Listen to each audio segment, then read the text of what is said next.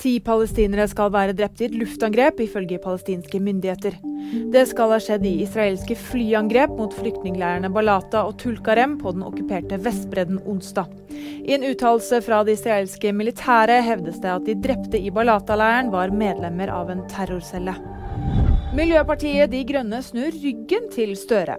Partiet vil ikke støtte Jonas Gahr Støre som statsminister i 2025.